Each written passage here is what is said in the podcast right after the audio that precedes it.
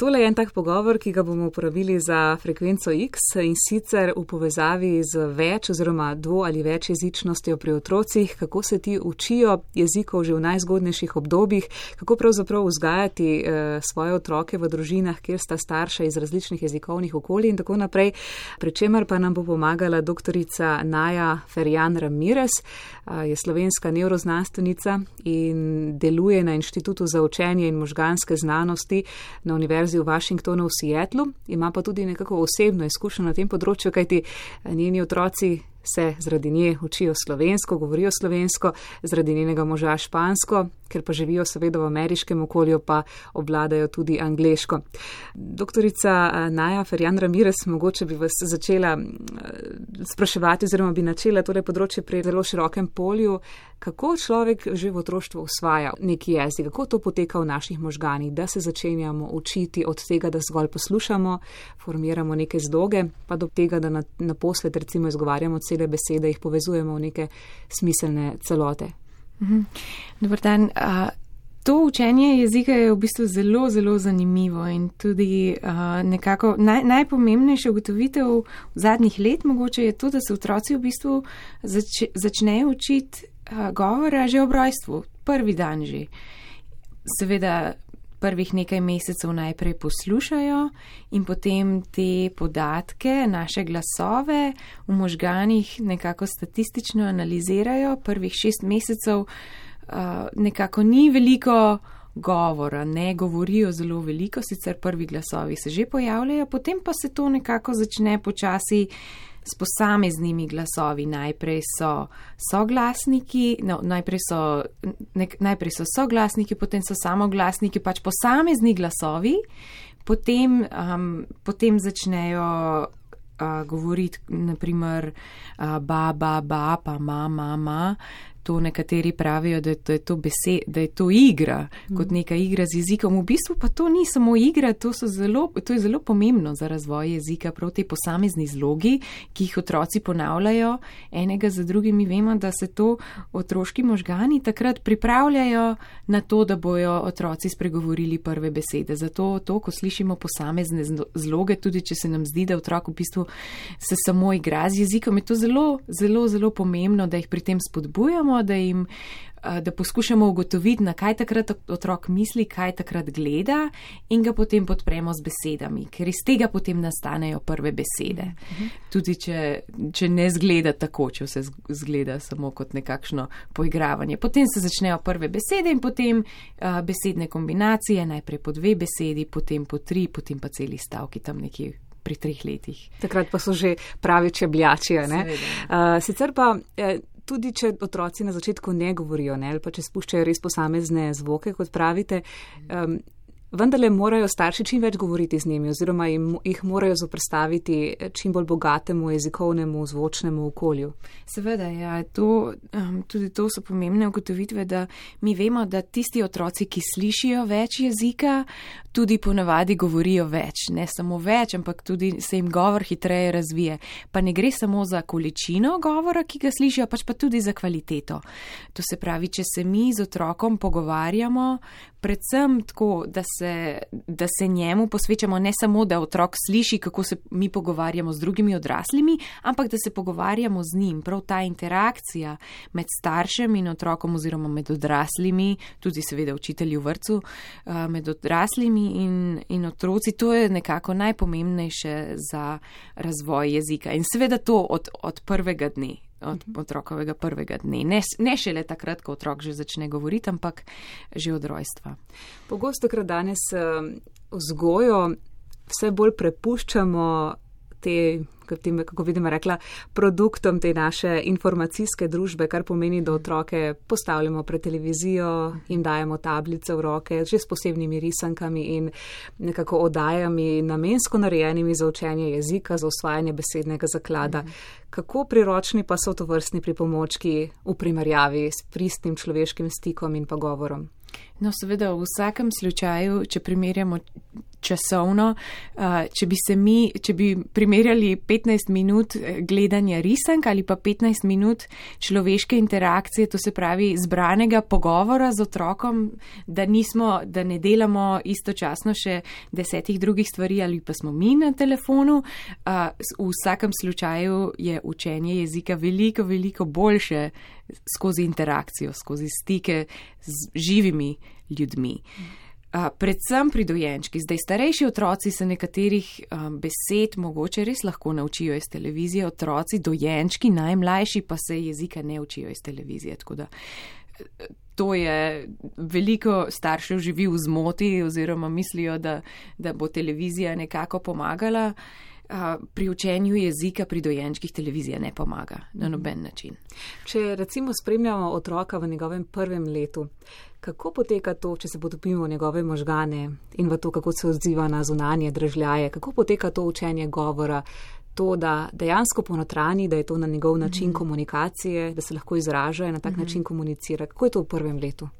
Mi delamo kar nekaj, kar nekaj raziskav na to temo. V glavnem v zadnjem času uporabljamo magnetoencefalografijo. To, so, um, to je posem neinvaziven način um, študiranja možganov. Seveda se uporablja tudi za odrasle. Mi ga uporabljamo za dojenčke, predvsem zato, ker je dojenčkom prijazen, ker je um, to je posem. Tiha naprava, da ni nekakšnih zvokov, kot recimo pri magnetni resonanci, tudi posebno neškodljiva tako nekako zgleda, kot bi se otrok vozil v, v avtu, sedi v sedežu in njegova glava pa je um, kot v nekašni čeladi.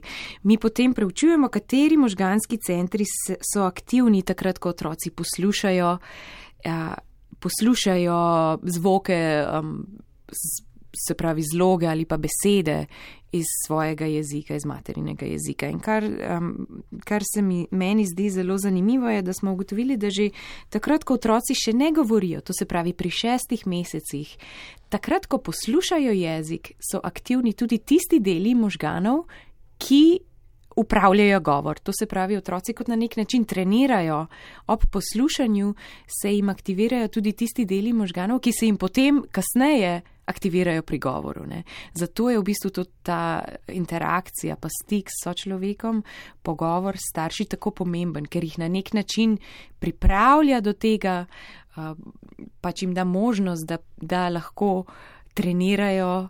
Um, Se pripravljajo na to, da bojo potem tudi sami spregovorili. Uh mhm. -huh. Eh, zdaj pa greva k tej temi, ne, ki bi jo rada postavila v središče, to pa je ta večjezičnost, dvojezičnost pri otrocih, če dalje več je s pojavom torej tega, da se ljudje selijo, da so vedno manjši, eh, tega, da živimo na različnih kontinentih, v različnih državah, da so torej zelo jezikovno mešane družine vse mhm. pogostejše. Kako pa v takih okoljih torej spodbujati otroke, recimo, če sta starša iz različnih jezikovnih okolij? Kako se tega lotiti že na samem začetku, da, da otroku omogočimo čim boljši jezikovni razvoj? To se pravi, zelo pomembno je, da se res uh, tega. Da se, tem, da se s tem vprašanjem začnemo ukvarjati že prav ob začetku, že ob rojstvu otroka, da saj na to malo pomislimo. Um, ker otroci so ob rojstvu, njihovi možgani so pripravljeni na učenje katerega koli svetovnega jezika. To se pravi, otrok, ki se rodi v Sloveniji, če se preseli v kakšno drugo državo, seveda se bo naučil tistega jezika, ki je v njegovem okolju. In zdaj, kaj pa to pomeni? Um, to pomeni, da otro, da je ta pogovor z otrokom, pa stik z njim, ki ga starši imajo, seveda največ ob rojstvu, je zelo pomemben. Ne?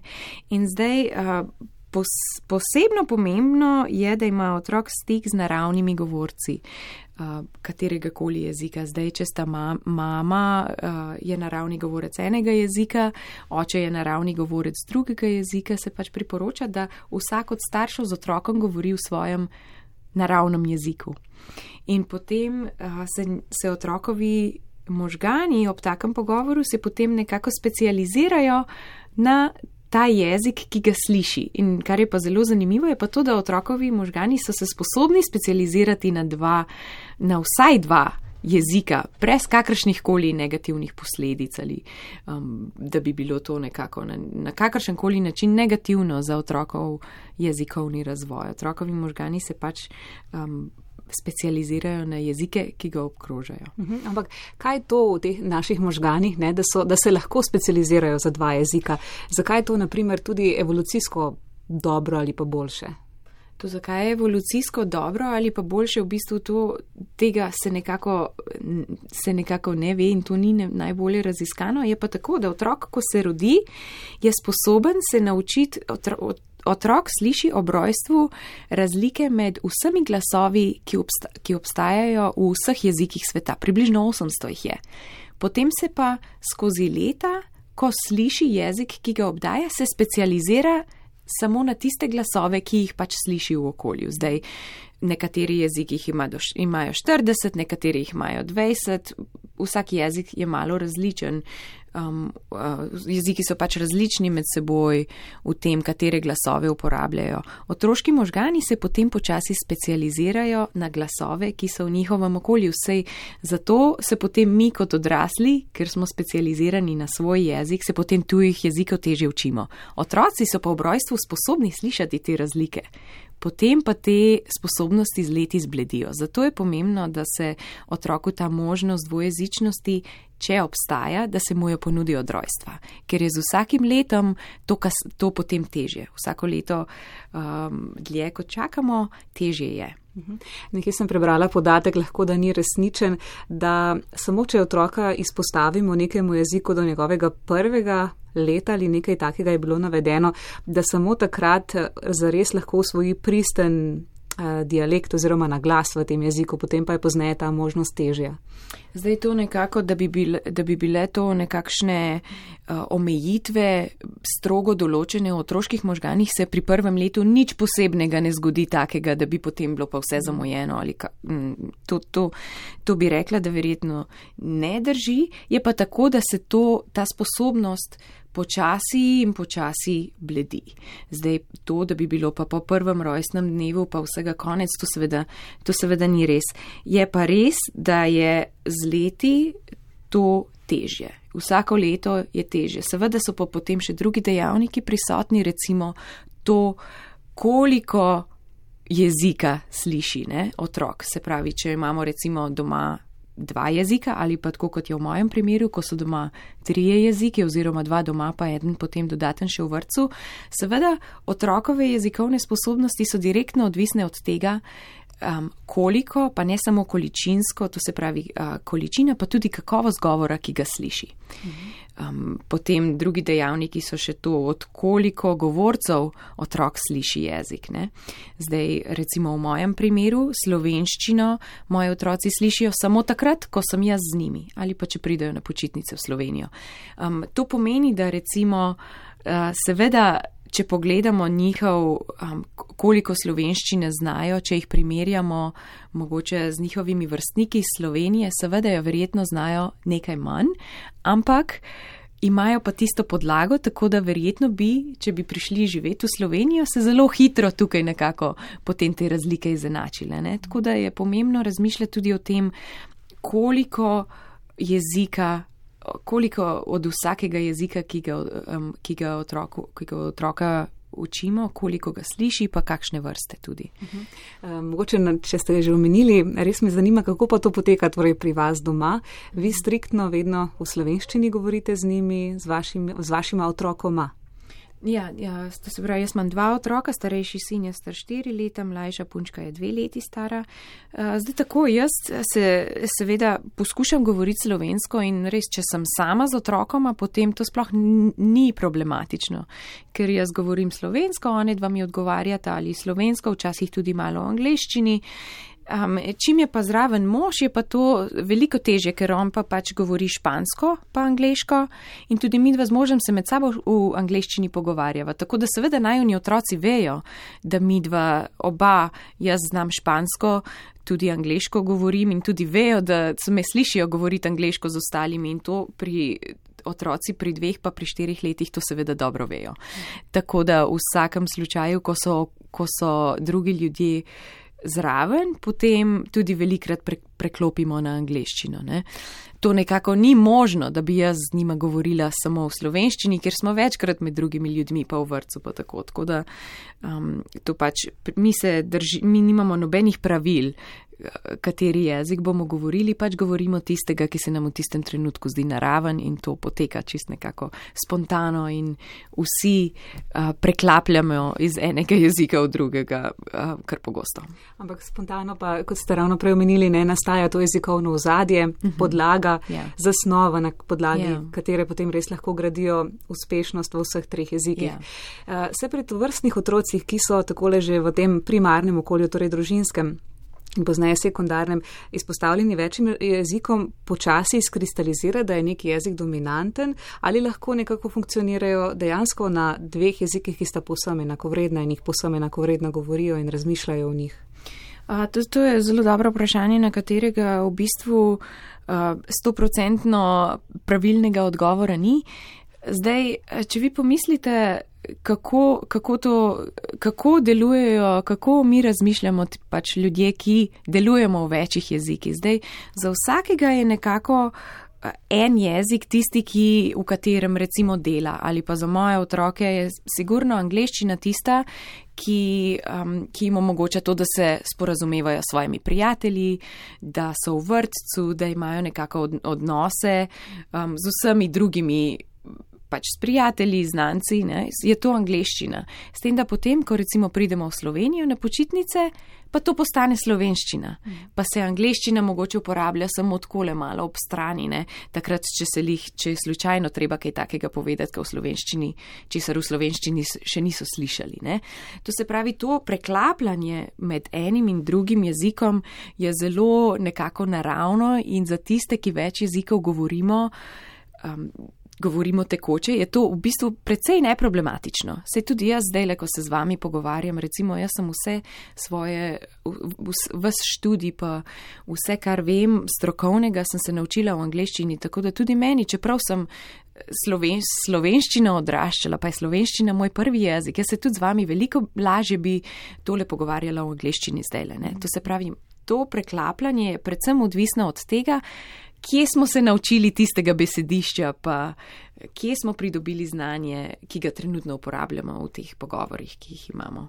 In Pa so kakšne, naprimer, tudi negativne lastnosti oziroma posledice te izpostavljenosti večjim jezikom, ne vem, bodi si eh, to, da se ljudje oziroma otroci težje skoncentrirajo na kaj, bodi si mogoče manjko besednega zaklada v kakšnem od jezikov. Je kakšen strah za multi oziroma večjezičnostjo? To se pravi, um, s tem je tako, ne? Zdaj, če, če, od, če ima otrok stik z naravnimi govorci, da ima stik z naravnimi govorci, reden stik z naravnimi govorci, se, mo, se bo ta jezik razvil v vsakem slučaju, se pravi, če otrok govori, če je ne samo, da ga posluša, ampak tudi, da je nekako pripravljen se v, njem, v tem jeziku pogovarjati, se bo jezik razvil. Um, zdaj, kakšne so negativne posledice? Seveda, če bi vi recimo pogledali, koliko, besed, koliko slovenskih besed moj štiriletnik zna, um, verjetno bi res rekli, da jih manj kot slovenski povprečen štiriletnik, ampak če vi pogledate, koliko slovenščine pa on sliši, mogoče eno uro na dan, pa še to ne. ne. Kakšne so pa prednosti, če ga jaz pripeljem v Slovenijo, pa ga tukaj le recimo dam v vrtec, sem prepričana 100%, da bo v dveh mesecih stoprocentno um, se ga ne bo nekako dalo razločiti od ostalih otrok. To se pravi, vse je v otroških letih so te stvari precej fleksibilne, um, katerega jezika se bodo, v katerem se bodo pogovarjali, katerega se bodo naučili otroški možgani, so temu zelo prilagodljivi. Um, zdaj, to, kar ste pa rekli, da so otroci, da so zmedeni ali pa da, so, da, kakšne, da se ne bi mogli izbrati, zdaj, da bi to nastalo zaradi dvo ali več jezičnosti, to, to je posem neresnično. Ne? To, to je kar nekakšen, nekakšne, mit, ne? nekakšen mit, ki um, za večino tistih, ki, ki so se učili govoriti recimo angliščine ali pa nemščine v srednji šoli, ko se mi spomnimo, kako smo se to, kako smo se glagole učili na pamet, pa kako smo bili, smo razmišljali, ali to to pomeni v slovenščini ali to kaj drugega pomeni. Seveda mi vedno razmišljamo o tem, kako je bilo za nas to težko.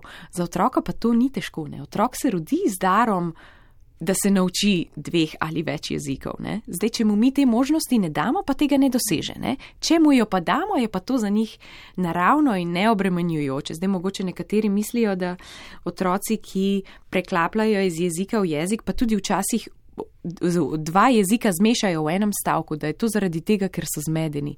To, to ni zaradi tega, ker so zmedeni, to je zaradi tega, ker nekatere besede znajo v enem jeziku bolje kot v drugem. Ne? Pa tudi seveda je to odvisno od tega, s kom se pogovarjajo. Zdaj moj sin zelo veliko krat mi pove kakšen stavek, ki je kombinacija angleščine in slovenščine, ampak jaz mu tudi, tudi njemu včasih odgovorim s takim stavkom, pa ne zato, ker bi bila zmedena, ampak zato, ker je za nas ta, ta način pogovora in način mešanja jezika predvsem precej naraven pa tudi vsi vemo, da se med sabo dobro razumemo. Ne? Zdaj v vrtcu pa to mešanje slovenščino v bistvu je zelo, zelo redko. Sploh njegove učiteljice v vrtcu sploh ne vejo, da zna slovenščino, ker je nekako ne slišijo, ne? ker ve, da ga nihče ne bo razumel in pač tega takrat ne uporablja. Um, po čem pa so si recimo možgani ljudi, ki so takole simultano odraščali v osvajanju več jezikov hkrati, drugačni od tistih, ki morda so, mislim, od večine generacije, ki je pa, oziroma populacije, ki je imela vzgojo samo v enem jeziku.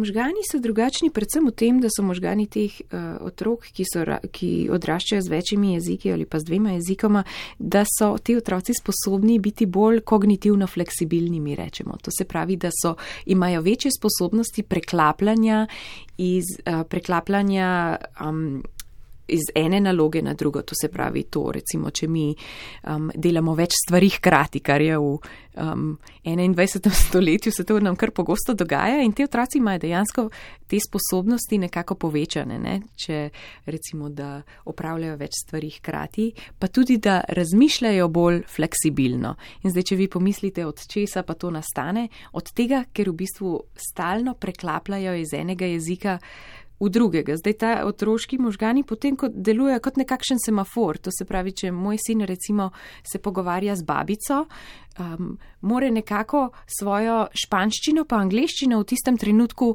zabremzati in tudi to uspešno naredi, da lahko govori slovensko. Ko se pa potem obrne, pa govori z očetom v španščini, pa isto naredi s, špan, s angliščino pa slovenščino. In to preklapljanje iz enega jezika v drugega ima to pozitivno posledico, da, da jih nekako um, te otroci potem postanejo bolj fleksibilni na, v načinu razmišljanja. Že prej ste malo omenili vaše raziskave na inštitutu, ne, kjer ste rekli, kako z najmlajšimi delate te raziskave, preiskave. S čim natančno se vi konkretno ukvarjate, kaj je točno vaše področje v povezavi s tem? Ja, moje področje je prav to, da študiram, kako se tem otrokom, ki se učijo dveh jezikov naenkrat, kje v možganih in kako se ta dva jezika procesirata in kakšne so razlike med možgani dvojezičnih otrok pa tistih, ki se učijo enega, ki se učijo enega jezika. Um, kakšne so uh, razlike med temi otroci še, še preden začnejo govoriti, to se pravi v prvem letu starosti, predvsem to. Potem se pa seveda ukvarjamo tudi z vprašanjem, kako bi večjim otrokom dali možnost tega, da se naučijo drugega jezika od rojstva. Zdaj, um, v Združenih državah je to zelo popularno vprašanje, ki nam ga zelo, zelo veliko staršev postavi. Kaj naj naredim? Jaz govorim samo angliško, moj mož tudi govori samo angliško, bi pa rada, da se otrok nauči še kakšnega drugega jezika, preden bo za to prepozno. Zdaj, seveda, ni nikoli prepozno, mi jim rečemo. Seveda ni prepozno, vse smo se uči, vsi naučili drugega jezika v šoli, ampak za to naravno načinje, na, za naraven način učenja jezika um, je pa res idealno, da začnemo od rojstva. In zdaj, kaj, kaj naj povemo tem staršem, na kakšen način se otroku to lahko omogoči. Zdaj pač mi razmišljamo različni, o, o, različnih, o različnih načinih. Uh, učenja za dojenčke in tudi pač pripravljamo uh, razne programe, ki potekajo v vrtcih za učenje tujega jezika. Um, začnemo pri šestih mesecih in to je seveda poteka skozi igro in to je zelo podoben način, uh, kot ga otroci imajo naravno, če se pogovarjajo s svojimi starši. Mhm. Tole vprašanje gotovo zanima tudi starše v Sloveniji oziroma slovenske starše.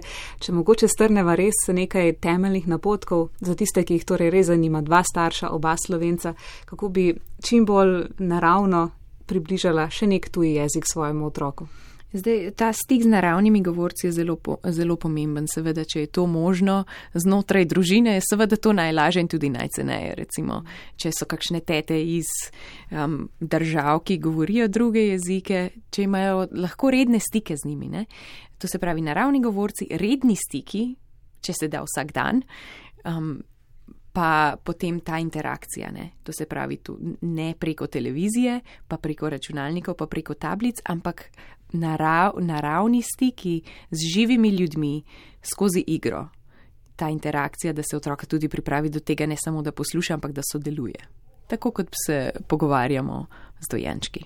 Hvala lepa, doktorica Naja Ferjan Ramire, za obisk. Upam, Hvala da nam uspe dobro oddaja na to temo. Hvala ja, lepa. Okay, hvala.